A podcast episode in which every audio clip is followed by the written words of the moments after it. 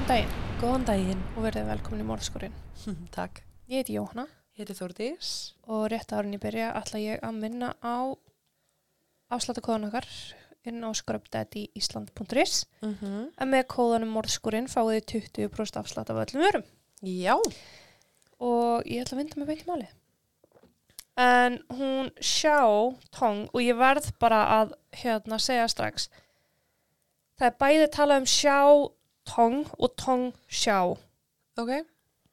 uh, ég myndi segja svona tveir þriðju af heimildir sem ég skoða er talað um sjá tong Ok. að svona fyrsta nafni hennar sé sjá Já. þannig ég ætla að fara með málið þannig Ok. En Xiao Tong fættist hann 12. november árið 1994 í Dalian í Kína og var dóttir fóröldar sinna sem ég hef ekki hugmynd um hvað heita. Ok. En Xiao kom að svona frekar auðugri fjölskyldu, velstæðri í það minnsta, en fadarinnar vann sem embættismæður í matvæla eftirlitstild, svona eins og hálgerð tollunardild Mm. fyrir matvæli og sá um eftirlit í útflutning og innflutning á vörum og hann var því með mjög góðar og stöðuga tekjur. Móður sjá hafði getað unnu heima við sem húsmóðir vegna þessa og sjá sérst, fæðist á tímum þar sem að pör máttur hreinlega einungis eignast eitt barn út í Kína Oh, og var shit. hún því einbyrni, enga dóttir fórhaldsna og augasteitt þeirra begja. Ég óspáði í því, hvað gerist þú eignast annabadnið? Herri, þessi var aflétt held í 2016. Ok, en þú eignast annabad 2015. Ég veit það ekki. Mér langar alveg ekki að vita hvað gerist. Þetta er ekki bara segt. Ég veit það ekki, sko. Ég meni, ég skal frekar borga peningina í annabad, skilur. Já, Það er ekki allir gera það. þetta er hérna... Já, minnst það svolítið skriði. Já. En Sjá var mjög opinn persónuleiki, hún var hlý og dögleg, hún var undrabann á píanói, Ha, hún var undrabann á píanói. á píanói. Já, já, já, þú sagði þetta. Já, Já. undrabann á píanói. Spilaði ótrúlega vel og var flink, en það var samt ekki draumurinn að halda eitthvað áfram með það. Draumurinn var að verða líffræðingur.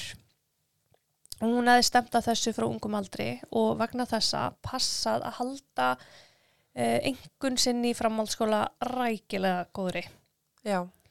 Hún gekk í Dalian Júming mentaskólan þar sem hún vakti aðtikli fyrir velgengnin sína og dugnað en nefndur frá þessum skóla voru yfirleitt uh, þeir sem stóðu sér mjög vel á inntökuprófi fyrir háskóluna í Kína eða GAOK eins og það heiti víst. Svo það var svona freka viðbúið að sjá kemur til með að ganga mjög vel í þessu prófi. Ok. Í júni mánuði á sínu þriði ári í mentaskóla og hér er sko smá starffræði en hún hefur verið 16-17 ána og þetta er þá mættalega svona 2010-ish. Ok. Þá fer sjá í þetta próf á samt þáverandi kærst sínum með vonum að komast inn í einhverja bestu háskóla í Kína. Prófið er haldið einu svona ári og virka þannig að nefnendur þurfa að taka próf í kínversku og starffræði og fá svo að velja á milli nokkura tungumála. Það er enska, franska, japanska, rúsnenska, þíska og spænska Mm. en yfirleitt velja nefndur sér samt ennsku próf og þaðan velja þeir svo hvaða leiðir ætla. Svona svolítið eins og félagsfræði, braut eða náttúruvísinda braut. Mm. Hvort ætlar að taka BA eða BS. Já. Það sem að draumur sjá var að vera líffræðingur þá valdi hún eðlilega náttúruvísinda prófið og var því framöndan fremur þungt próf í meðal annars líffræði, eðlisfræði og efnafræði. Ok.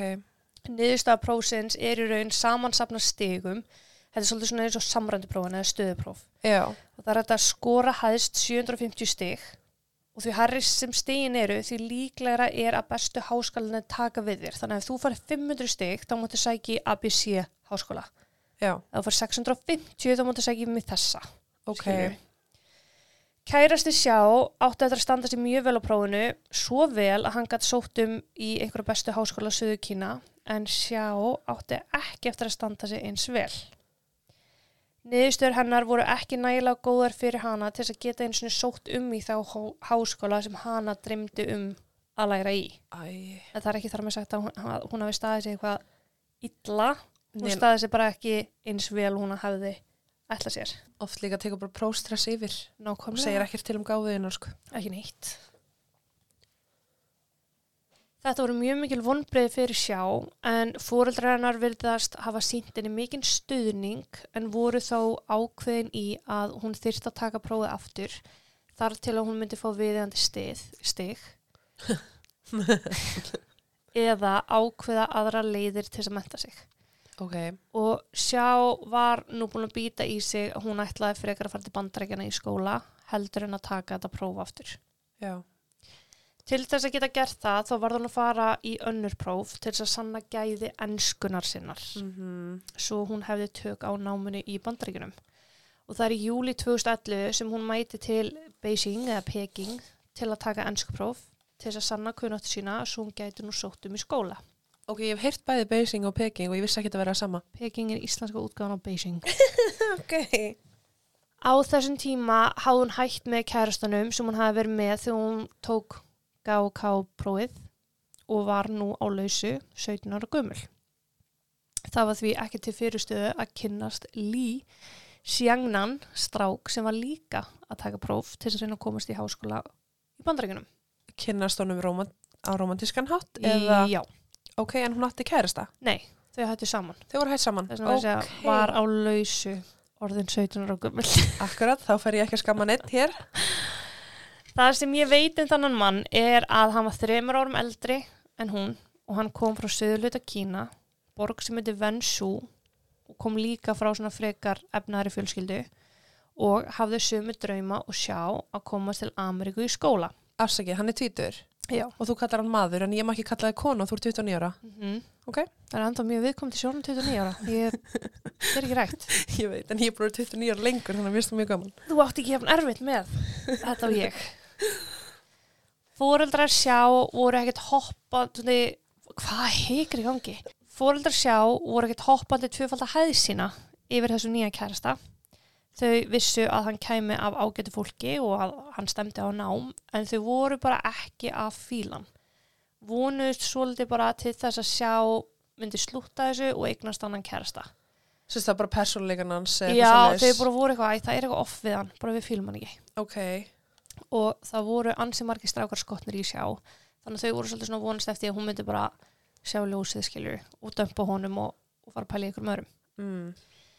Svo var nú reyndar ekki og í september árið 2012 er sjá og lí mætt til bandaríkjana, ekki á sama stað.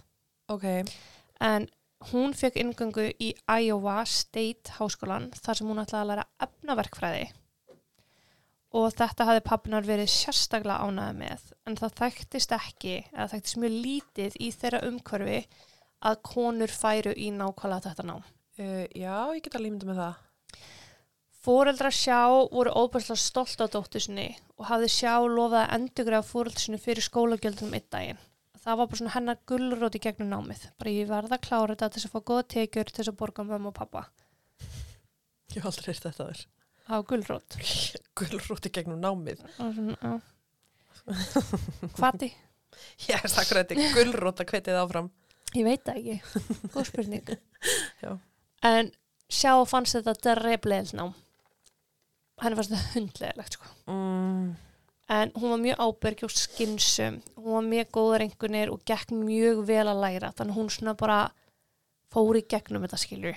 Ímyndar líka fóreldrar eru búin að borga fyrir þetta og þú, veist, þið veist að leiðilegt, þú getur ekki beint bara, eða Nei. vilt kannski ekki, Og henni hefur sjálfsagt liðið svolítið eins og hún hafi orðið fyrir vonbröðum þegar hún þegar henni gekk illa á inntökuprófinu fyrir Ja. uh. kynversku skóluna sko. já, En í bandaríkjunum þá varð hún strax vinamörg. Hún uh, var með vini frá öllum stöðum heimsins en það mjög alþjóðlegir háskólar í bandaríkjunum. já, En þetta voru þó mest samlandar hennar eða aðrir, uh, aðrir frá Kína. Lee, kærstin hennar, hafði fengið ingöngu í Rochester Institute of Technology sem var í New York og í mjög mikilvæg fjallaði frá Sjá sem var í Iowa og voru þau því í fjarsambandi fyrst um sinn og þetta er alveg fjögur að klukkstund að fluga 14 tíma akstur. oh shit, þetta er ekkert eitthvað að kíkja um helgina. Nei, en það má svo sem deila um hvort það hafi verið samband þó svo að Lee hafi vissulega gengið út frá því en samkvæmt vinum sjá þá var hún að tala við aðra stráka hitta aðra stráka á meðan þessu fjarsambandi stóð Mm. Lee hafði frá upphafi svolítið fengið sjá á heilan og svona svolítið getið hana bara frá- upphafi. Og það var kannski út af því sem að hann ákveði daginn að sækja um í háskólinni í Iowa. Ekki sama skóla og sjá. Hún var í Iowa State háskólanum Já, en hann var í háskólanum í Iowa. já, já, University of Iowa, Iowa og- State University. Já. Og hann gerir þetta til að vera nær sjá Henni til gleði or, eða, or, eða svona eiginlega án þess að ræða eitthvað almennilega við kongnum prest sko. ok, Hann, en hana. ha, nei, bara alls ekki. Hann hafði hætt í sínu skóla á miði ári sem þýtti það að hann hefði, hann hafði ekki neitt að gera þar til næsta ár. Mér finnst ekki nógu skýrt hvenar nákvæmlega þetta er að gerast. Já, en einhver tíman á vorönn 2013 ok, úr því að hann gæti ekki hafið nám strax, skilur mig. Hann gæti ekki byrjað á vorönn, já, verðist það við þurft að býða fram haustönn, já, skilur mig. akkurat, ok, Og að því hann hafði ekkert að gera og var ekki í skóla, þá hefði þetta sá ekkert annað í stöðun en að flytja bara inn og sjá sem bjóða heimavist. Og hún dildi herbyggi með vinkonusni. Og vinkonan var ekkert sérstaklega sátt með þetta fyrirkomulag. nei, Þá tóku líka vinir hennar eftir því og fjölskyldan heima í Kína uh, eftir hægðunabreitingum í fari sjá eftir að líf flytur inn til hennar. En hún hafði fram á flutningum hans verið ópsla opin og til í fjörið og skemmtileg. Hún kendi nefndum kynversku til þess að fá smá pening mm. og henni fannst fátt skemmtilegra eins og uh, að mæti partí.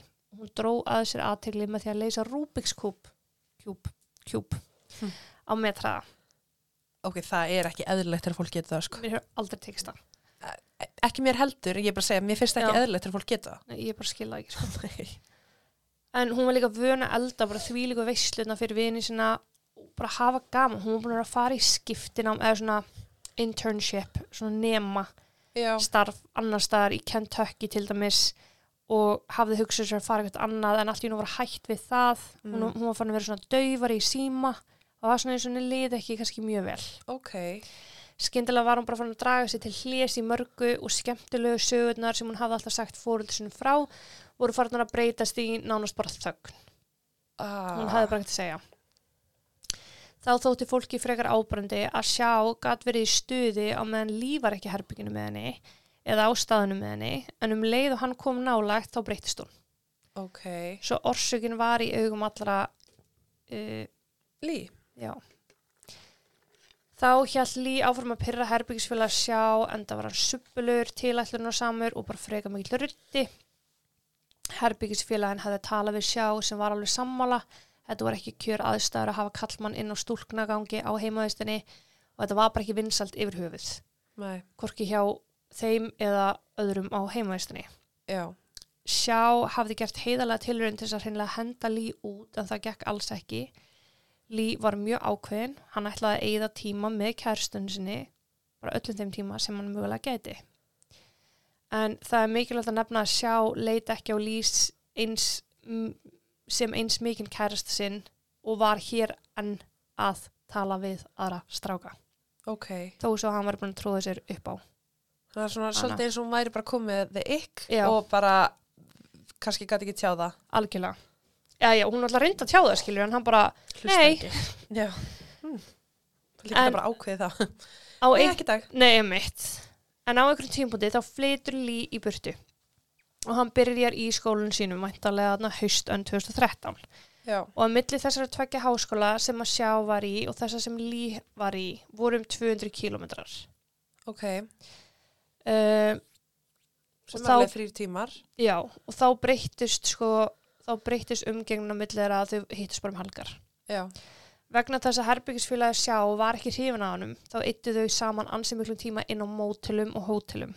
Mm. þessar helgar sem þau hittust sem voru allt í einu orðna svona flestar helgar, sérstaklega árið 2014 Ok.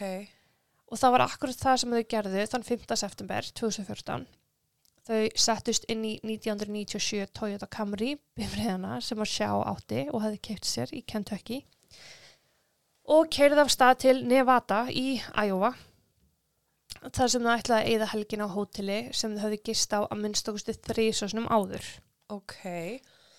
Sjá hefði átt að skila sér heim á sunnudeginum eftir þessa helgaferð en hún gerði það alls ekki. Mm. Einhver tíman þessa helgi sendir sjá SMS á vinkunni sinnar og letar vita því að Lee hafi þurft að fljúa heim til Kína vegna einhvers neyðratviks og að hún ætlaði að skreppa til Minnesota til að heimsækja vinsina og hún kæmi tilbaka eftir viku. Ok. Vinkonunnar höfðu svo sem enga ást höfðu enga sérstakar skoðun á þessu bara já, ok, ekkert mál, takk fyrir að láta vita skiljur og dagarnir liðu. En sjá átti ekki eftir að senda neina SMS eftir þetta SMS og hún svaraði ekki neinum heldur. Ok. Það í sjálfu sér var kannski ekkit óeld í fyrstu því hún var jú, hvað þær best vissu, að njóta bara með sínum vinum í Minnesota. Já. Að þegar áfram leið inn í vikuna þá urðu áhyggjurna meiri. Og vinkunur sjá ákveða að hafa samband við þessa vini hennar í Minnesota og bara sjá hvort það var ekki alltaf góðu. Að var þá sem að það kemur ljós að hún hafði hvorki haft samband við þau nýja láti sjá sig þar. Uh, Þá ákvað Jean, herbyggisfélagi sjá, að hafa samband við lauruglu og það var þann 18. september eða tæpum tveim vikum eftir að sjá fór í helgaferðina sína. mm. Lauruglan fekk allar upplýsingar hjá vinkonunum og hófu sína rannsókn fyrst með því að rekja ferðirinnar frá 5. september.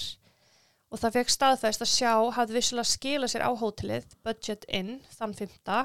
því hótelstjórn hafði síða sjá með lít tjekka sig inn og sá hann svo aftur kvöldið eftir 7. september þegar hún labbaði niður í lobby og þá voru hún einn. Ok. Hótelstjórin hafði mætt á vakt sunnudaginn 7. september og tekið eftir því að bílinn hennar sjá var horfin og það var mjög óeðlegt því að í öll hinn skiptin sem þau hafði gist hafði hann þurft að fara og banka á herbyggsurinn hjá þeim og minna parið á að þau ættu að vera löngu búin að tjekka svo út. Ok. En allt í henni þessa helgi voru þau farin klón 7. Já. Morgunin.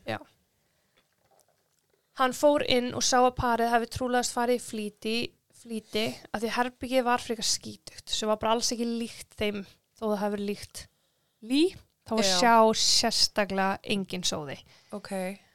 Lögregla óskaði þá eftir eftirlitsmyndaðlefni frá hótelinu en þar áttu hlutinir eftir að vandast að því að þó svo myndavélinn væri svo sannlega alltaf í gangi þá var hún einungis í gangi á rauntíma. Ah. efnið sem hún tók upp eða tók reyndar alls ekki neitt upp vistaðist hvergi þetta var bara Right. Af hverju þá að vera með myndavelar? fyrir öryggisverðin að horfa á í beinni Skil. Ok. en það átti síðar eftir að koma í ljós að það hlyti eða bara vera að hótelstjórin hafi verið síðastur til að sjá sjá áður en að hún hverfur Mm. Lögreglan hafði samband við fóreldrar sjá sem sögðust ekkert hafa talað við hana síðan 7. september en þá hafði faðurinn að sett sig í samband við hann í gegnum textaskilabóð til þess að spyrjast fyrir um ykkur glerjögnum vandræði sem að sjá var greinilega í. Mm. Uh, þá hafði hún sendt ykkur skilabóð áður bara hvað braut glerjögum mín, þar að rætta með nýjum og pappinu var bara svona follow up á því, bara spyrja út í það. Já. Í þessum skilabóðum fekk hann svar við en það var að verða frekar ljóst að skilabóðin voru trúlegast aldrei frá sjá sjálfri. Því að þessu stöddu var hana hvergi að finna. Mm.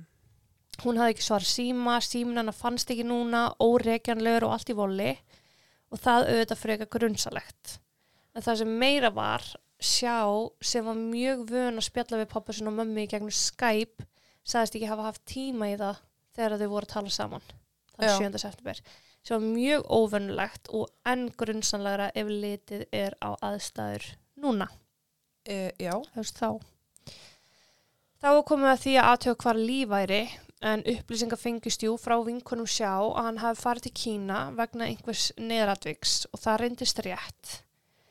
En hann hafi flóið frá Cedar Rapids í Iowa til Chicago og þaðan fór hann til Kína. Hann sett flýgur á mánudeginum, áttunda, Já. frá Cedar Rapids til Chicago og þaðan fer hann til Kína þar sem hann er lendur 10. september. Ok. En fóreldrar sjá hafði haft samband við fóreldrar lýs í kjölfar hvarfs sjá og samkvæmt þeim hafði hann aldrei skilað sér heim til þeirra. eins og hún sagðist hafa gert. Já. Eða ætlaði að gera. Já, þú veist, hann talar um neyðaratvik í fjölskyldinu og væntalega skilur Mm myndi það tengjast fóreldarnum eitthvað, eða þú veist, Já. myndi við vita af því en þau vissi ekki af neginu.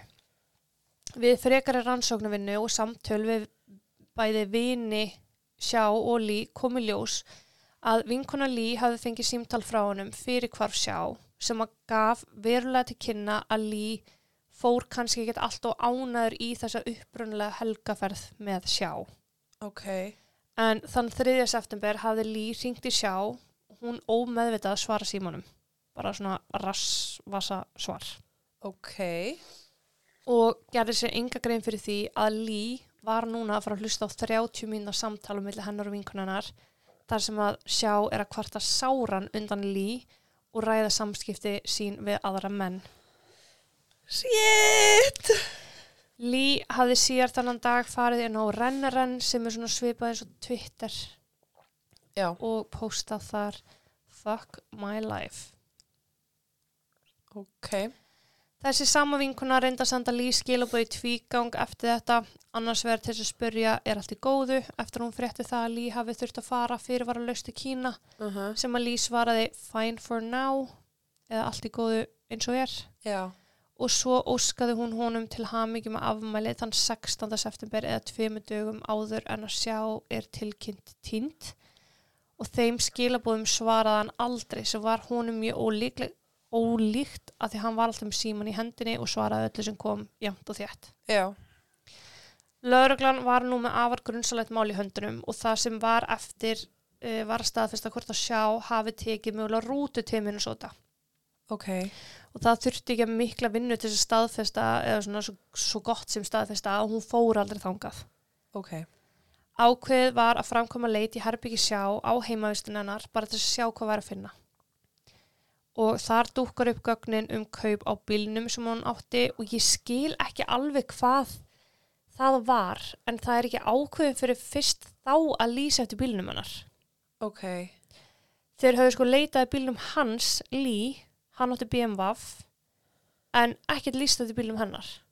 Og, ok, er, Lý er búin að finnast þarna Já, þú veist, þau vita að hann sé í Kína en hann er, það verður ekkert meira, meira og vitað. bílinn hans bara flugvillinum eða eitthvað. Já, bílinn hans fannst bara á mjög öllum stað. Ok.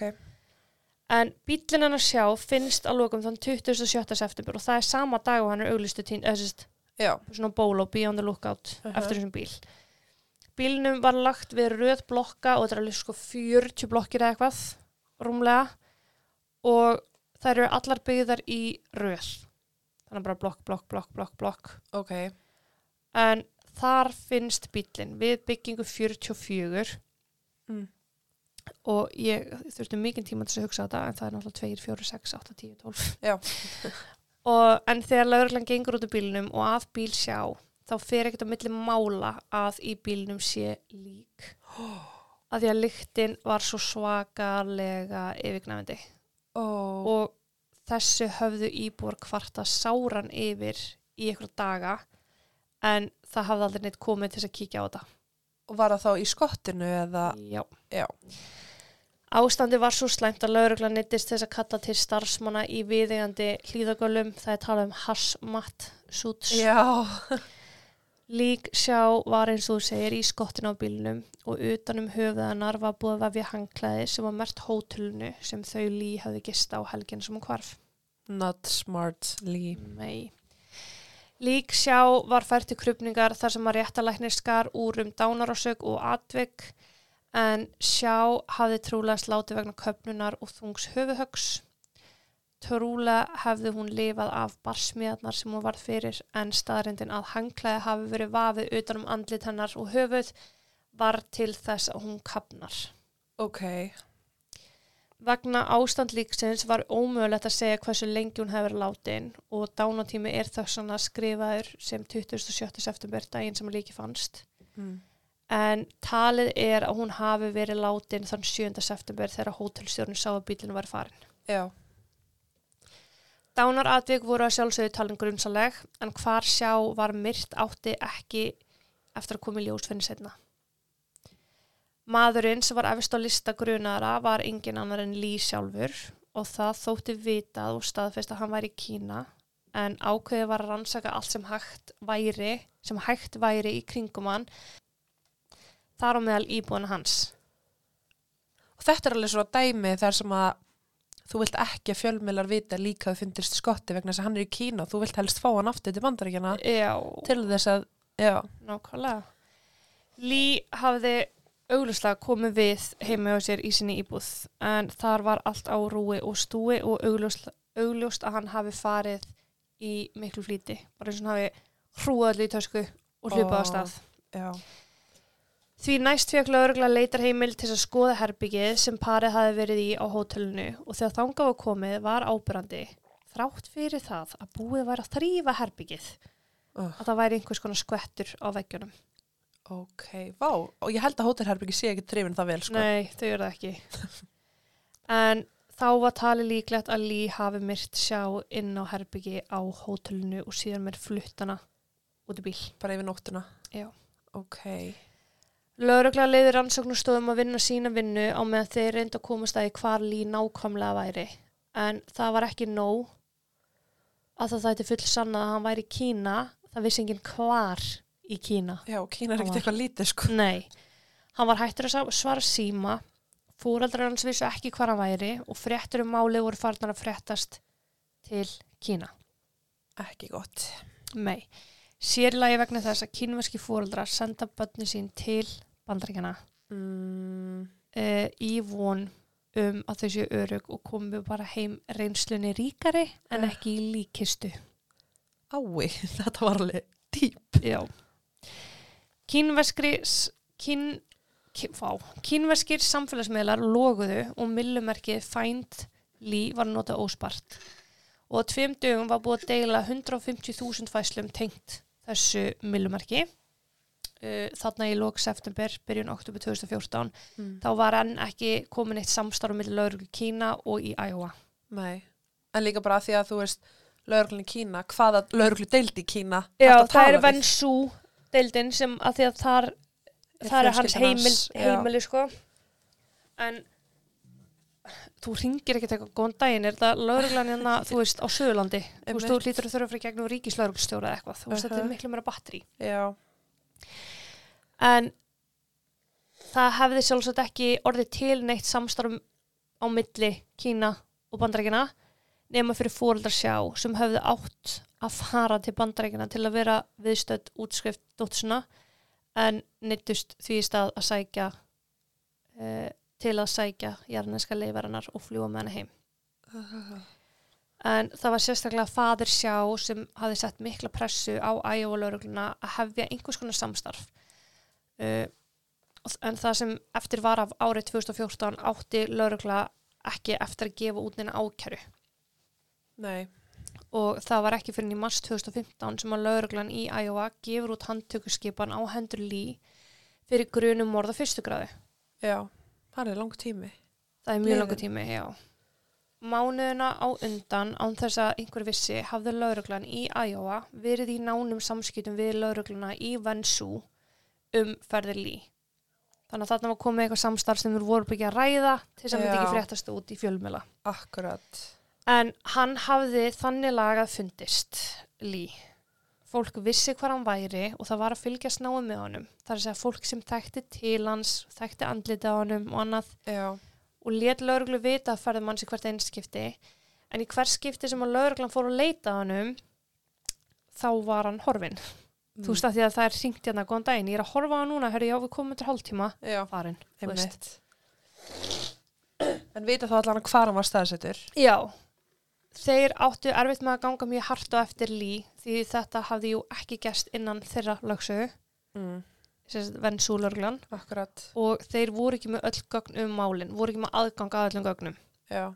Lauruglan í Iowa ákvað því að bjóða Vansú lauruglunni í heimsókn til Iowa sem var loksins að og þar fóru báðar laurugludeildir uh, og settust niður og báru saman bæku sínar og veittu upplýsingar eftir þörfum. Vittni voru yfir þeir aftur og nú með Vansú lauruglu viðstata ásamt því að glæpa vettvangur tengdur málunu, glæpa vettvangar tengdur málunu voru skoðaðir með Vensú lauruglu á staðnum. Já. Vensú lauruglan gæti flóið aftur til Kína með öll gögnum á höndunum sem þeir þurftu til að leggja meiri þunga í rannsóknuna. Mm Og það var svo loksins í loki júni 2015 sem að The Ministry of Public Security í Kína, þetta bein þýði sem almannavarnir, Já. ríkislauruglstjórin alltaf hluta almannavarnir með ég, hann að Akkurat. en þeir gefa út tilkynningu þess efnis að Lee hafi verið handtekinn vegna ákæru um morð og það af ásætning. Þá voru þeir búin að gefa út sína eigin ákæru. Já, ok. Þar sem að engin framsalsamningur er á milli landana, eða var þarna að minnstu kosti, að þá var ljóst að Lee yrði ákærður og dæmdur í Kína fyrir glæp framinn í bandreikunum. Já. Og þarna á þessum tíma þá voru til nokkur fordæmi um nákvæmlega þetta. Og þetta er nokkur mál sem ég er búin að skoða sem eru mjög áhugaverð, sko. Ok. Að því að Kína gæti verið bara, sorry, þetta bara kemur okkur ekki við. Uh Hann er örugur hér. Já. En Lee er það minnsta handtíkin og hann neytar staðfærslega söki fyrstu. En þegar kemur að réttarhöldunum hans í mars 2016 þá ákveður Lee skyndilega að játa sagt sína en hann sagði að verknaður hans hafi verið framin í kvatvísi og órög réttri hugsun og sagðist hann hafa elskað sjá en að hann hafi átt mjög erfitt eftir að hann komst meðal annars að því og hún var ekki hamingsum með honum og að hún væri að tala við og um aðra mann en hann sjálfan. If I can't get you, nobody Mhm. can. Ugh. Hann neitaði því alfarið að hafa skipulagt glæpin áður en hann er framinn. Hann sagði að flugmiðin til Kína hafi verið algjör tilviljun því að hann hafi verið keiftur áður vegna þess að hann ætlaði almennt að heimsækja Kína. Og það var alveg rétt, hann var búin að kaupa hann einhverjum tveimdum fyrir þessi helgi en hann var samt ekki búin að tilkynna neinum að hann var að fara til Kína fyrir hann bara fór. Já. Sem að spila svolítið inn í ásetningin Mm en hann vil meina að nei, ég var bara lungu búin að kaupa með hann á undan. Þú veist, að ég ætlaði að fara til Kína en það vissi enginn af því samt. Nei. En Lee grátba dómara um að hafa refsingu sínu milda og rökin hans eru þessar útskýringar. Ok.